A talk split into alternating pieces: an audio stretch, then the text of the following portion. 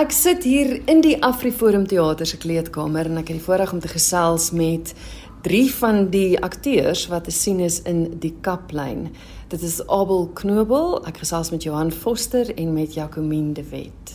Hoe is elkeen betrokke? Abel, wie speel jy in die Kaplyn? Uh hallo en uh, ek speel uh Roan Joubert. Dit is uh die seun van Salome en generaal Ben Joubert senior en dan die boetie van Ben Joubert junior en ek speel 'n lekker rebelse karakter, daai enetjie in die familie. Dis dan nou die pa en ma wat hoeka hierso sit. Johan, jy en Jacomien is eintlik die moeder en vader van die kaplyn. Ja, ons is die vervaardigers van die kaplyn. Ons is ook medeskrywers aan die musiek en die liriek, ook teks en dan speel ek generaal Ben Joubert Ek is Salome Joubert in die musiekblyspel. Ehm um, ek is die vrou van Ben Joubert en hy is meeste van die tyd op die grens en ek beman die tuisfront en kyk dat al die girls aan ons kant reg is en versorg is en sterk bly. Vir ons 'n bietjie meer detail gaan oor die storie, die kaplyn, die titel. Wat is die kaplyn? Waar is die kaplyn? Al die Kaplyn is 'n stuk grond um gewees op die grens van destydse Suidwes-Afrika, Namibië en dan Angola. Um en dit was 'n stuk grond, 'n grens tussen vyand en vriend. Um die idee het vandaan gekom. Ek en Sean Els het so ruk gelede, 15 jaar gelede toe ons nog jonk was, het ons 'n lied geskryf met die naam Die Kaplyn vir Bok van Blerk. En um ons het daai lied toe 'n bietjie verder gevat jare later want daar was 'n groter storie om te vertel. Ek dink die tyd was reg toe vir musiekblyspel nie, maar dit was dalk nou. Want dit gaan oor 'n oorlog wat of ons broers of ons paas was betrokke daarbey. Dit dit was net nou die dag gewees. Ja, dit was nou die dag gewees en wat ons uitgevind het deur ons navorsing, um, saam met ons tekskrywer Janus Erasmus, was daar's baie trauma betrokke by hierdie oorlog gewees. Daar was paas, boeties, neefs, um, helde wat onder ons dakke sit wat nie 'n keuse gehad het om te gaan nie en wat stories het om te vertel en onverwerkte emosie nog steeds mee sit. So ons het ook gevind in die geselskap van die Kaplyn was daar Abel onder andere se pa was 'n perbat geweest. Ons fokus op die perbats. Hmm. Ehm um, daar's 'n klomp van ons ehm um, van ons geselskap wat se mense diep betrokke was in hierdie grensoorlog.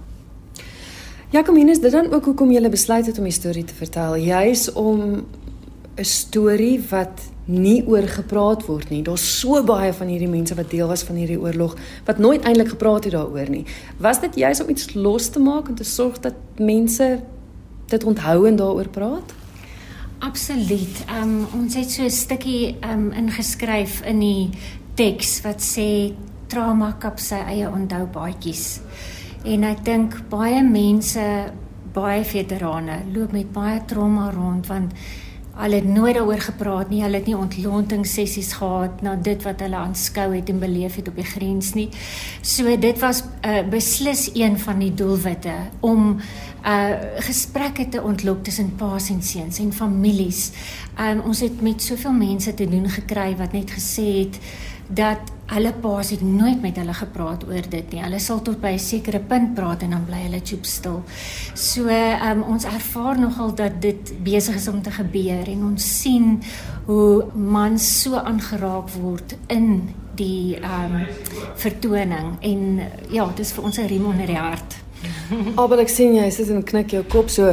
Is dit so? Ek meen jou pa wat nou self 'n parabat was. Is dit waar wat Jacomino sê? Ja, so dit is vir my 'n baie persoonlike reis as gevolg van my pa. Um ek het nog nooit enigsins uit my pa se mond uit stories gehoor van sy ervaring in die weermag en op die grens en as 'n parabat nie en um toe toe toe Johan hulle my genader het vir die rol toe die het ek die dag vir hulle gesê my pa was 'n parabat en toe sit Johan daar en toe sê hy wat maar ons glo nie in toeval nie want mm ons glo glad nie as 'n geselskap in toeval nie want ons ons ons weet waar ons krag vandaan kom en ons spreek altyd net 'n salwing op hierdie op hierdie vertoning en dat dit die mense sal raak wat veral betrokke was en dit is die generasie. En ehm um, so nou dat ek in dit is, is dit vir my so persoonlik want my my pa begin vir my goed vertel. En ja. my pa as ek vir hom vrae gehad het oor wat in alles in die teks staan en as ek iets nie verstaan het nie dan hy onmiddellik vir my verduidelik. Hy het presies geweet wat dit is. En waar ek en my pa altyd 'n tipe verhouding gehad het waar ons bel mekaar een keer 'n week en praat so 5 minute. Nou sit ons en ons praat vir 'n uur oor die foon en ja. hy vra. En so net daai persoonlike hoe kan ek sê uh benadering wat ek en my pa met mekaar begin kry het is vir my so ongelooflik spesiaal en dit laat my ek my pa beter verstaan ook. So hierdie is regtig 'n ervaring wat vir my diep diep tref en um en baie persoonlik is. Ek weet ek het met openingsaand daar oom so skuins voor ons gesit en vele kere trane afgevee. Johan, wat wat is die gehoor se terugvoer sover? Kan jy hulle agterkom dat dit dat dit 'n snaar raak? Ja, dit raak 'n diep snaar. Ehm um, maar ek dink as dit net 'n storie was op sy eie, 'n fiktiewe storie, was dit een ding. Dit is in die agtergrond of met die agtergrond van hierdie historiese gebeurtenis wat so deel was van ons mense en en baie van ons se paas en en oupas en so. Maar ons het besluit om die storie van die verlore seun te verweef in die teks. Ehm um, en ons het baie goeie rede daarvoor. Ons ehm um, ons is ons het 'n oortuiging. Ek en Jacqueline en Janus het het het 'n uh, oortuiging en um, ons wou baie graag daai oortuiging um, met met 'n groter gehoor gedeel het. En ek glo dit kom deur baie mense kom na die tyd en hulle sê hulle weet nie presies wat hulle voel nie, maar hulle is aangeraak en iets het hulle getref.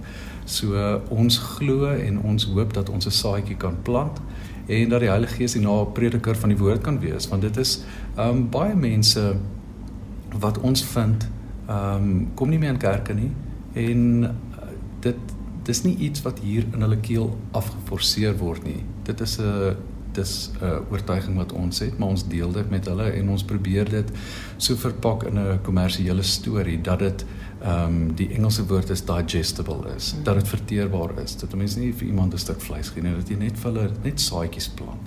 So dit is ja, kom ons besluit het om dit te doen. Ja, dit is ongelooflik. In kort, vertel gou die storie. Kyk, ons wil die mense hier hê. okay, ek uh, dis 'n dis 'n dis 'n baie ek kan dit baie lank draadig doen, maar ek gaan nie. Uh die storie gaan basies oor hy's gesentreer om die Huber familie en ehm um, die slagspreuke van die vertoning van die kaplyn uh is ook oorlog was 'n familiesaak. So ons begin en ons fokus baie op hierdie familie wat wat soveel groei toon ehm um, van die begin tot aan die einde van die vertoning en hulle storie vertel en ek dink dit is hoekom die publiek gaan kan vereenselwig met dit want hulle was daai families, hulle was daai boeties en paas en sissies en maas wat agtergebly het. En die storie soos Johan gesê het, um, gaan rondom die verlore seun, maar ons begin die vertoning en hy skop af met 'n groot garage party van die ehm um, groot hoe kan ek sê matrikulante wat gematrikuleer het in 19 ehm um, 79 en dis oujaarsaand en ons is nog jonk en onskuldig en Ehm um, en dan wys dit hoe ons in die 80's ingaan en dit gee daai lekker ligte atmosfeer en toon wat ons ehm um, mee begin. En dan later dan begin ons sien wat gebeur in die Joubert familie. Ons begin die twee boeties ken. Ek is een van die boeties en dan Ilan van Staden speel die ander boetie.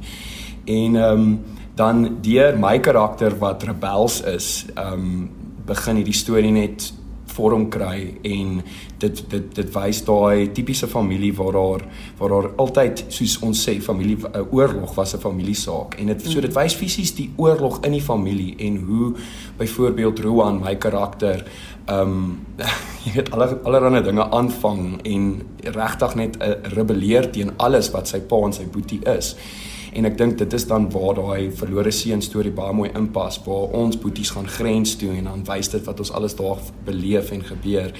En dan ehm um, op die ou ende dan bereik my karakter so laagtepunt dat hy in die DB beland wat basies die tronk was vir die dienspligtiges as hulle goed gedoen het wat onwettig was. En dan beleef hy die katarsis waar hy God ontmoet want hy's in hierdie laag donker plek van sy lewe. En op die ou ende um daai oorlog wat binne hom aangaan um kom terug na die gehoor toe en dit wys basies dat oorlog um, was seer en daar was negativiteit rondom dit maar dit kan versoen word. Daar is versoening want die pa aanvaar die seun terug in sy arms wanneer hy bely en hy besef dat hy verkeerd was. En daar's baie goed wat gebeur ons wil nie die storielyn nee, te veel weggee nie maar maar dit gaan basies oor hierdie groep jong mense en hoe hulle van onskuldige jong tieners geforseer word om in die army te wees en hulle moet mans word mm. baie baie vinnig in hulle lewens en ek dink dit is waarmee ons paase generasie gaan gaan kan vereensalwig. Ja. Dis 'n groot rolverdeling. Hmm. Dit dit is 'n groot rolverdeling, maar ehm um, ag ja, as ons ons sin kon hê en en sou ons die net die stage vol wou maak. Want Maar ja, ons ons love dit net om werk te skep. Ehm um, saam met Afriforum wat ons vernoot is op die ehm um, is dit is dit eintlik ek weet nie ons kan net nie sê dis ons taak nie, maar ons het net gevind dat dit daar's daar's so is soveel wat teruggegee kan word wanneer jy werk kan skep en veral in Afrikaans. Afrikaanse musiekteater is uh, is eintlik maar 'n klein segment, nê, nee, van van die teatermark. Ja. En daar was baie lank terug 'n oorspronklike Afrikaanse musiekblyspel. En ons het net van die begin af het ons net saam met Callie en William waar gesit en ons wou baie graag net saam met hulle 'n skatkis van nuwe Afrikaanse oorspronklike produk wat spesifiek nou musiekteater is in ons op um, geval skep en ja, hulle het maar net aan met ons gevat en ons is baie baie dankbaar om hier te wees. Dit is 'n wonderlike ervaring en Ja, soos jy sê, dit is 'n groot geselskap, maar ehm um, ja, hulle het van alle oorde af gekom, die klomp. Ons het nou gepraat oor oor die kaplyn wat 'n bekende musieksnit is, maar die ander musiek, dit is alles nie geskryf nou. Alles is splinter nuut, uh, behalwe natuurlik die kaplyn wat ons gehad het en, en ek verlang na jou ja. geskryf deur Jan de Wet en uh, dit is bekend gemaak deur Sonja Harold. So, kan ek net sê sy het langs my gesit openingsaand, ja. Ag, hoe het sy dit beleef? Ekskuus. Ek het dit met Johan van Rensburg het langs my gesit. Hy en Rina Hugo en ek weet net uit sy oor geloer na Sonja toe om te kyk. Ja, so dit is wonderlik, maar ek moet sê daar's fantastiese musiek. Die een spesifiek ja. oor die verlore seun. Ek dink daar is van hulle wat definitief nog treffers gaan word. Absoluut. Ja. Absoluut. Ja, nee, ag dit was vir ons uh, my pa het ek verlang na jou geskryf. So dit was nou vir ons verskriklik lekker. En hy kom met môre aan. Hy kom met môre aan kyk. Is jy Jan de Wet se ja, dogter? Ja. Genade. nee, toe, ja, so dit is vir ons so lekker want hy het dit vir my ma geskryf. En ek dink ons as kinders was altyd so trots daarop dat ons pa so mooi liedjie vir ons ma geskryf het. So ja, dit was vir ons ehm, 'n um, groot voorreg om dit te kon inwerk in die musiekblyspel. En ja. Ja. Vertel vir die luisteraars, julle is te sien by die Afriforum Theater in Pretoria, maar wanneer en tot wanneer? As ek dit um reg het en ek het dit al verkeerd gekry in um in hierdie interviews is ons is nog vir die volgende 4 weke hierson nê. Nee. Dit 3 of 4 weke. Ons is eintlik nog 2 weke hier, maar ons gaan binnekort verleng vir nog 2 weke. Okay. Okay, so kom ons sê give or take 5 weke. Um ons het 'n show 'n Woensdag aand, 'n Vrydag aand, twee shows Saterdag en dan twee shows op 'n Sondag. So dis so ses shows wat ons in 'n week inpas en hulle kan die kaartjies kry by kapline.com. Um ja, dis die moeite werd om te kon kyk. Ek ek dink van my seuns het dit nou al 4 of 5 keer gesien. Um daar's mense hier in die voorportaal wat van ons uitstallings doen Willoughby en sy vrou, Willoughby Brits en sy vrou, hulle was ook uh, hy is die hoof van die um, Parabats veterane organisasie. Hulle kyk elke show. Ja. En hulle sê dit hulle hulle was daar en uh, ons het van die begin af was ons so bang om foute te maak. Ons wou dit regtig histories regkry en so en ons het wonderlike mense gehad soos Jandre Du Plessis, um generaal Lawrence Smith wat ons gehelp het. Um generaal uh Gustav Laat. Gustav Laat gaan daar was net um, mense soos Chris Pool, ex-Parabat ook, het net hulle het net hulle harte so oopgemaak en gesê okay, julle maak nie 'n dokumentêre film nie, so julle kan foute maak. Maar ek dink hulle het van die begin af gesien dat ons het nooit gesê dat ons weet hoe dit was nie. Um, ons wou hulle eer op die regte manier en ons wou ons wou dit net reg doen en toe maak hulle harte net oop en hulle het van volskerms vir ons gekry tot die regte browns en die generaal se se se ehm um, se suit wat hy aan het. Dis die regte een en die generaal pet dis die regte een jy weet. So hulle het net hulle harte vir ons oopgemaak. So ons kon dit nie sonder die veterane gedoen het nie. Ons sou ons het baie vinnig besef ehm um, laas jaar dat ons is in 'n mynveld en ons moet hierdie ding reg doen. En dis toe ons begin bid het en met genade van bo die Here vir ons wonderlike mense gestuur om ons hierdeur te help.